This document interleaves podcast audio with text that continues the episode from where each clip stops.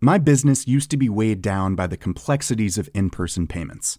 Then, Tap to Pay on iPhone and Stripe came along and changed everything. With Tap to Pay on iPhone and Stripe, I streamlined my payment process effortlessly.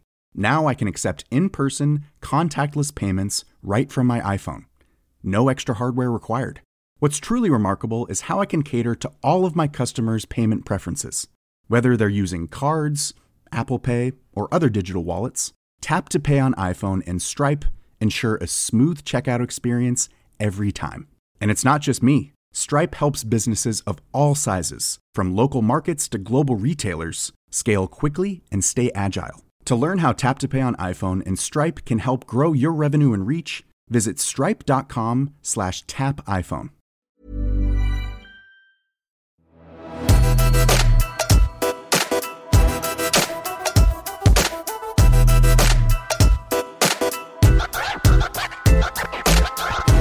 Jeg husker veldig godt torsdag morgen 6.10.2011.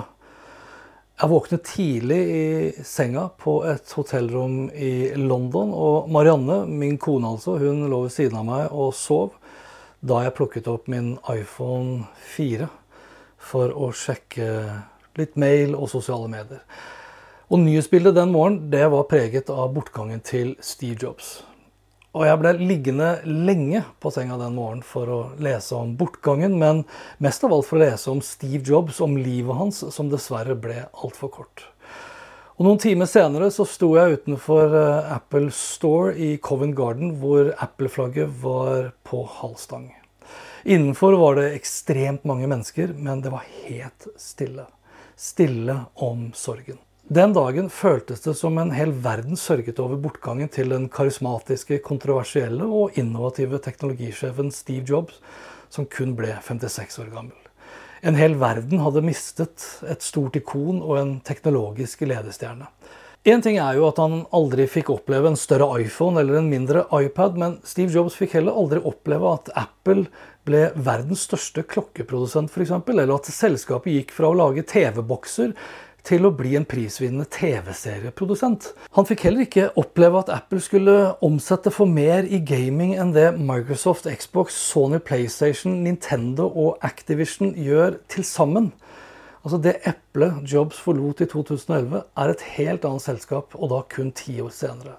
Men han fikk oppleve at selskapet han etablerte i garasjen til foreldrene sine sammen med Steve Wozniak 35 år tidligere, ble verdens største børsnoterte selskap. Noe Apple fortsatt er i dag.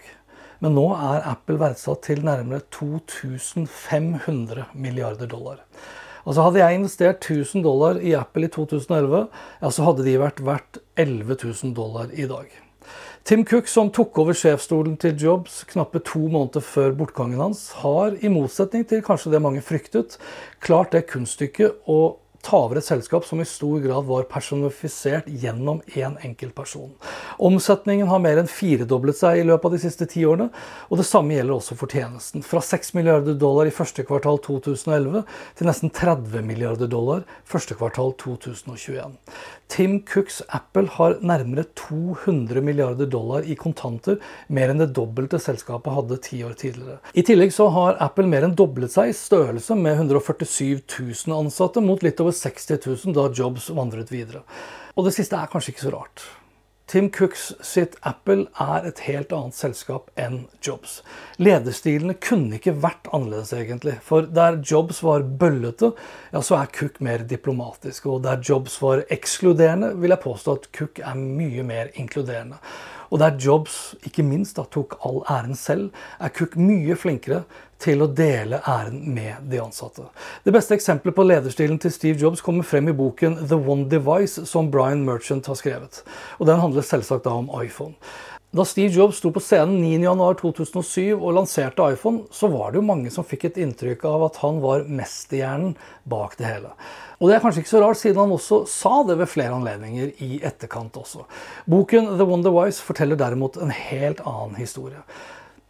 Den korte versjonen er at iPhone ble en suksess til tross for, og ikke takket være, Steve Jobs. Når det er sagt, så er det ingen tvil om at Steve Jobs ikke bare reddet Apple da han kom tilbake igjen i 1997. Han transformerte selskapet til det Apple vi kjenner i dag. Et teknologisk moteselskap som leverer uovertrufne brukeropplevelser. For Apple er følelser. Apple er identitet. Apple er lidenskap ulikt noe annet selskap vi kjenner til i dag. Kort fortalt, Jobs endret verden, og derfor er det fortsatt en hel verden som fortsatt savner Jobs. Nesten hver eneste dag, vil jeg påstå. Så hvil fortsatt i fred. Jeg skulle ønske at du fortsatt hadde vært med oss. Here's to the crazy ones, the misfits, the rebels the troublemakers, the round pegs in the square holes, the ones who see things differently. They're not fond of rules, and they have no respect for the status quo. You can quote them, disagree with them, glorify or vilify them. About the only thing you can't do is ignore them, because they change things. They push the human race forward. While some may see them as the crazy ones, we see genius. Because the people who are crazy enough to think they can change the world are the ones who do.